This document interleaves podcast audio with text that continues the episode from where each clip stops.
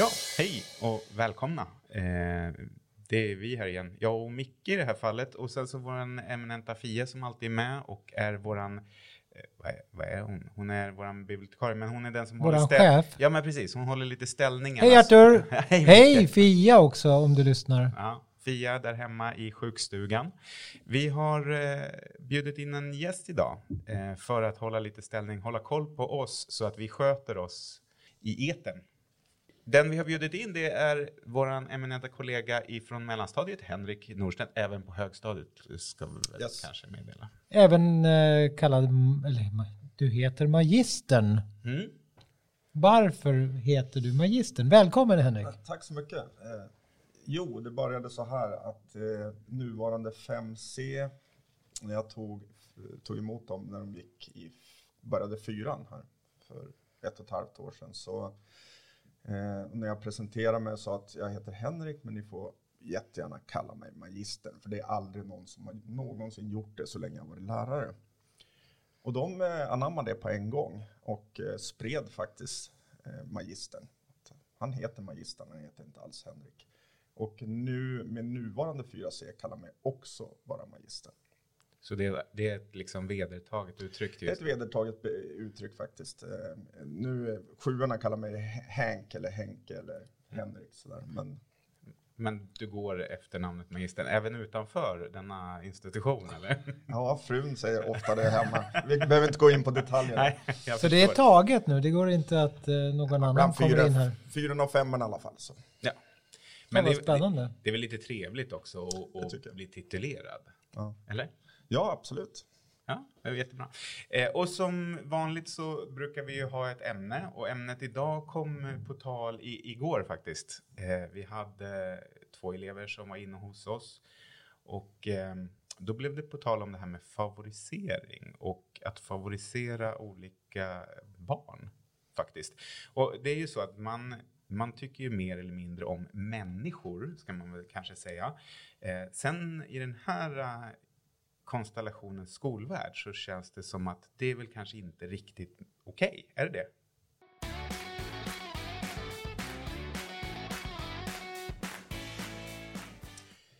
Nej, Det här där är var en het potatis. Artur, det var ett väldigt spännande ämne idag. Ja, jag vet. Alltså jag tänker lite så här, eh, för Micke frågade mig att, eller vi, vi pratade om det så sa det så här, det är klart att jag favoriserar mina barn, mina egna barn. Jag har ju en favorit.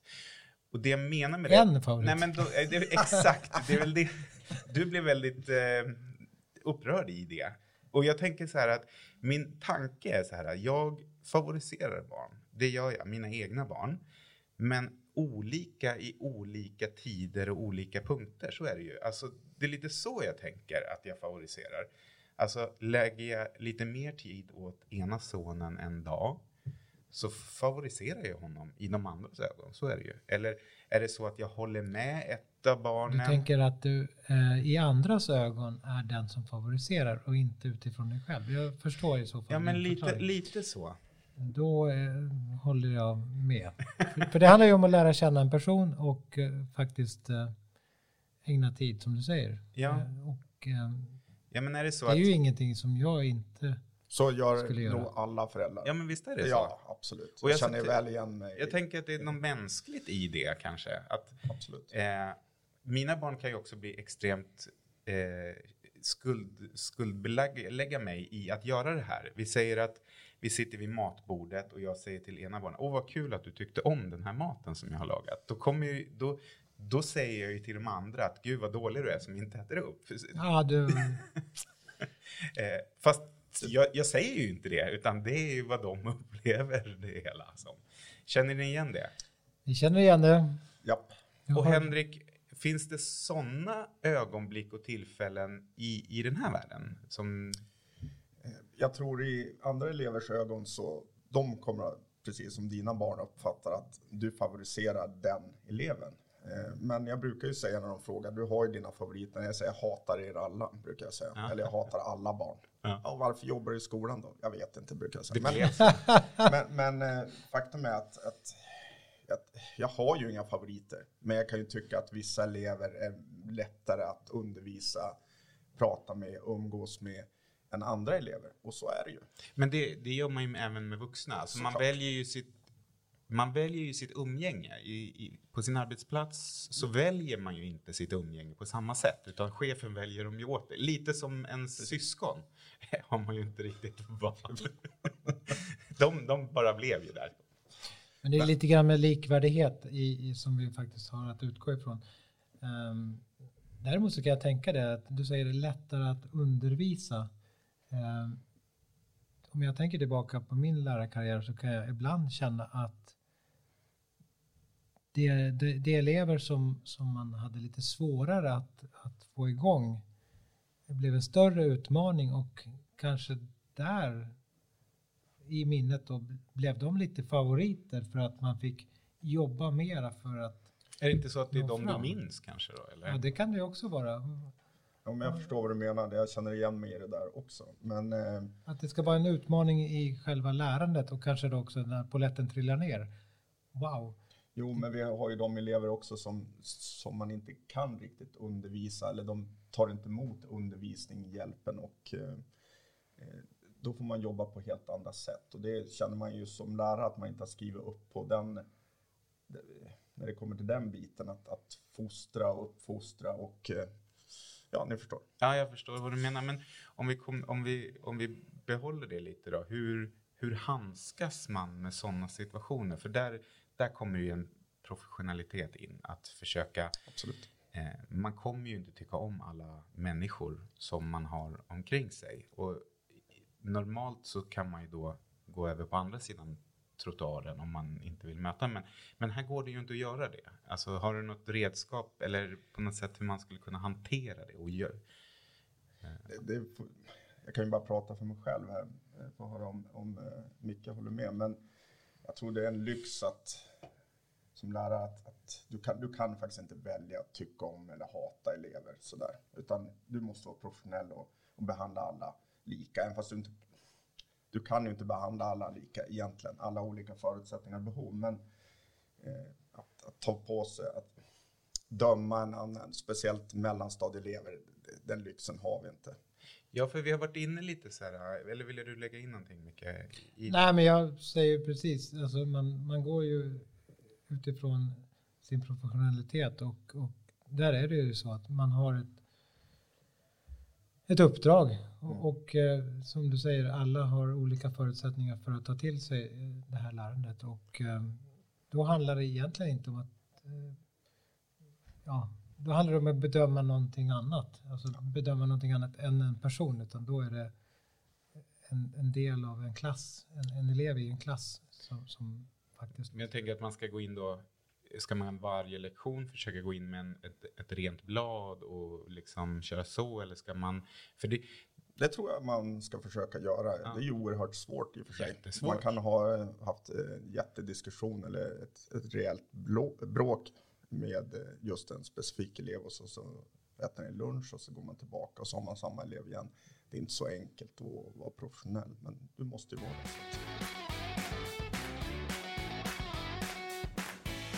För att vi har pratat tidigare här i podden om att det här med det emotionella, att vi jobbar i en miljö med människor eh, och att det är ganska, alltså blir man arg så töms man på energi. Mm. Men också om man är glad så töms man också på energi. Alltså bägge två, eh, det emotionella tömmer ju en på energi. Yes. Och att, att någonstans hitta en balans där man eh, fortfarande ska jobba men eller orka med att jobba i det här emotionella. Eh, det har vi pratat om flera gånger och Fia är ju lite förespråkare för det.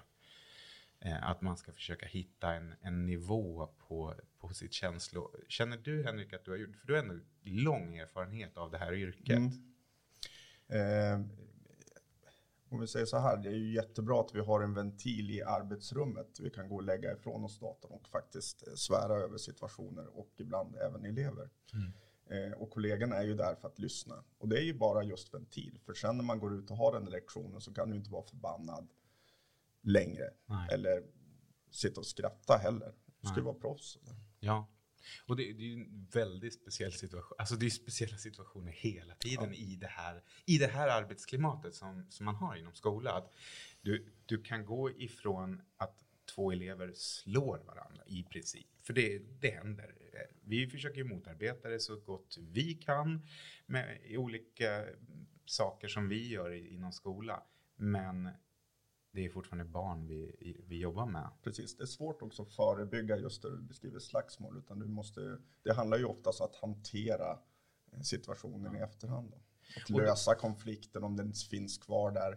Eh, men det är ju som ni vet, händelserapporter, kränkningsanmälningar, det är ju vardag. Det händer varje dag. Ja, Ja, och då tänker jag att det är svårt, som du säger, så här, man, man är i det, någonting har hänt och sen så halvtimme senare ska du gå och ha en lektion med den här då eleven som kanske både har kränkt och slagit och, och att man då ska rensa det. Och då är det jättebra med sådana här ventiler som du pratar om. Ja, men just de här ventilerna, jag vet inte hur du tänker Henrik, men jag ser ju varje lektion som unik. Och som du säger, det här med oskrivet blad, att, att faktiskt ha det som en utgångspunkt.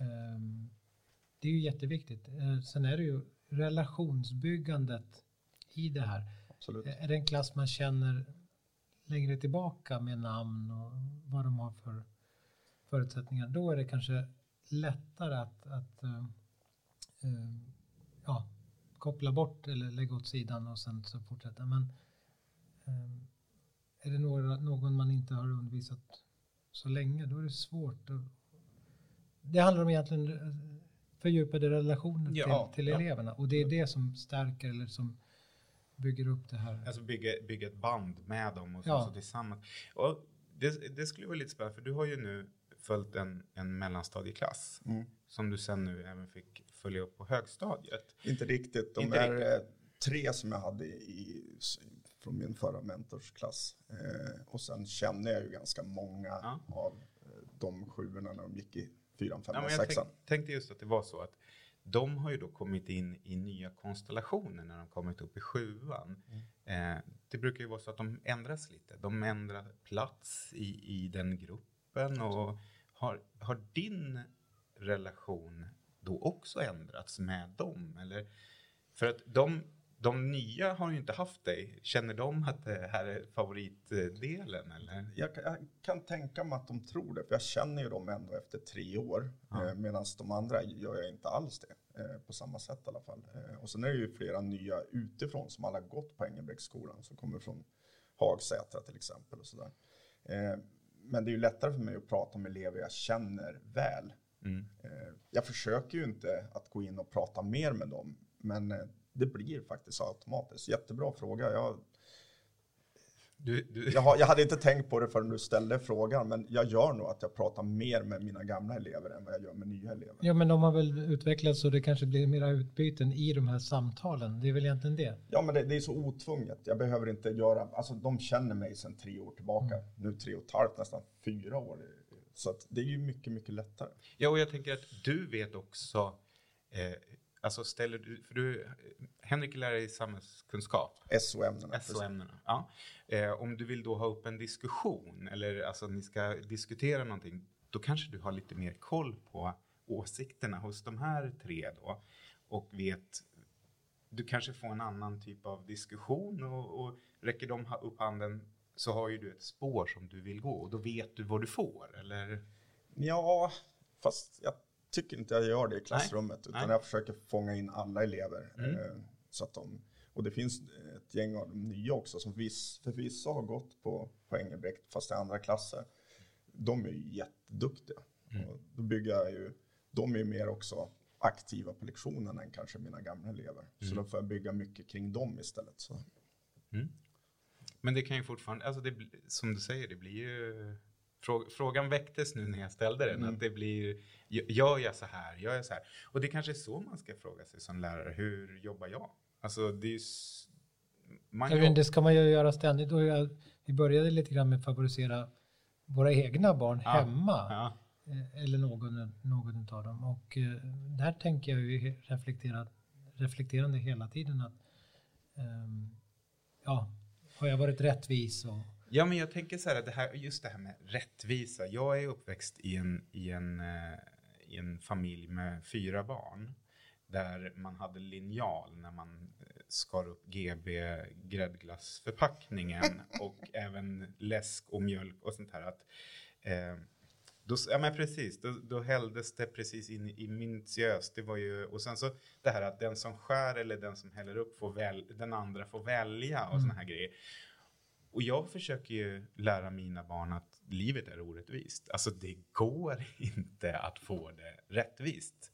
Eh, för att jag hade ju lite problem senare när, när man började skolan. Började högstadiet eller gymnasiet att, att nej, varför får inte jag göra det här som den här får göra? Och det, jag tror inte att vi, man som förälder, jag vet inte, jag kan ha fel, att det är, det är bra med linjal. Ja, men man kan ju ändå reflektera över rättvisa och känna hur har jag tagit den här diskussionen? Jag, jag tänker det är en bra ingångspunkt, att man inte, eller utgångspunkt att man inte bara går och uppfostrar sina egna barn utan att ens själv reflektera över hur man bemöter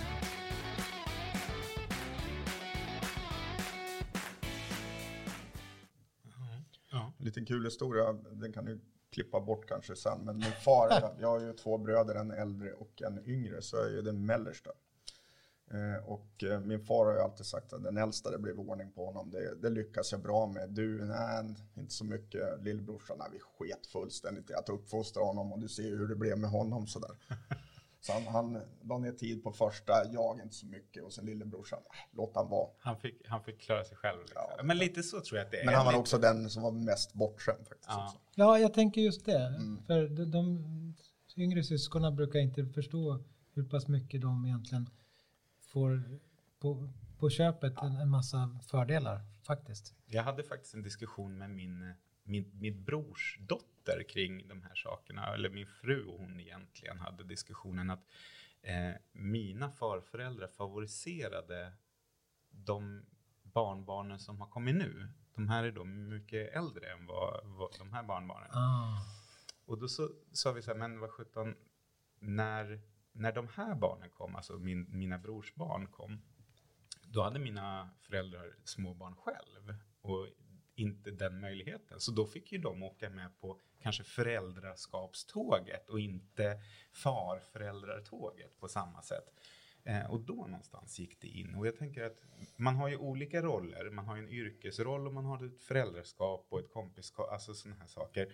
Och man är ju olika uppfostrande, olika givande och tagande kanske i, i olika...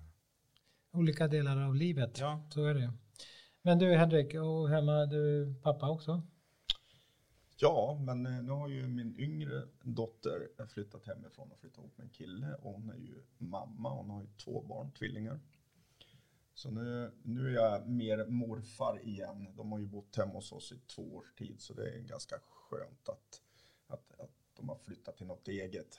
Man går ju varann på nerverna till slut. Mm. Eh, den äldre var tvungen att flytta hem ett tag här nu så att eh, oj vad hon kommer bli arg när hon om hon skulle höra det här. Eh, men hon pluggar och, och så jobbar hon ju här också på mm. Engelbrektsskolan. Ja, men hon letar ju också lägenhet såklart. Så. Och hur är, hur är ditt föräldraskap då i favoriserandet? Kan du känna igen mig i det jag pratar? Att man... jag, jag sa ju det tidigare, jag känner igen mig. Alltså, de har jag haft olika behov i olika tidpunkter i livet. Mm. Eh, och de har ju varit lite röriga och det där med skolan var inte alltid någonting de prioriterade sådär. Så att, eh, med två föräldrar också som lärare så, så vill de göra uppror. Ni vet skomakarens ja. barn och allt mm. det där. Eh, men, så det har varit olika fokus och olika omgångar i, i, i deras liv kan man säga. Och tror du att de har känt av det och känt en orättvisa i det? Eller? Det har de ju också uttryckligen sagt. Inte bara en gång, utan hundra gånger. Ah. Men nu är de ju 20 plus bägge två och kan ändå ställa sig vid sidan och titta tillbaka och, se. och se att, nej men vänta lite, jag förstår att du hjälpte stora syran eller lilla syran. Mm. För de, hon behövde hjälp just där och då.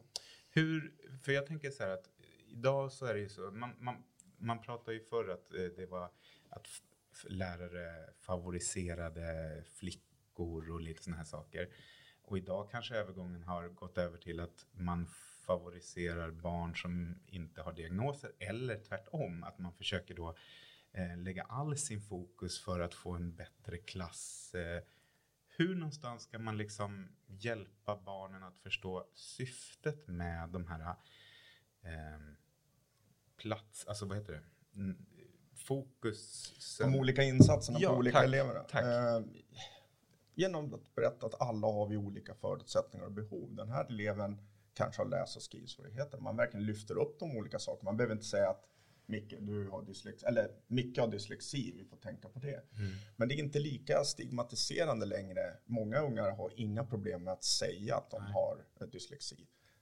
ADHD kanske är en, en liten sån där att det är stigmatiserande fortfarande. Men eh, jag, jag känner inte att de har något problem och de ser också att jag tycker det är sällan idag jag upplever att de eh, eh, nu tappar jag tråden helt. Ja, men det Men det här är egentligen det, det som är lärar, lärarprofessionaliteten är ju att under en lektion så ska du eh, alltså få ögonkontakt och kanske då få svara på en fråga till 30 elever.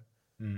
Eh, samtidigt som du ska ha förberett för de som då inte ställer frågan eller du hinner få en relation eller en, eh, ett utbyte med. Vi var ju och lyssnade på de här som, som hade en tanke kring det här när man då eh, hur, hur gör man att elever känner sig sedda?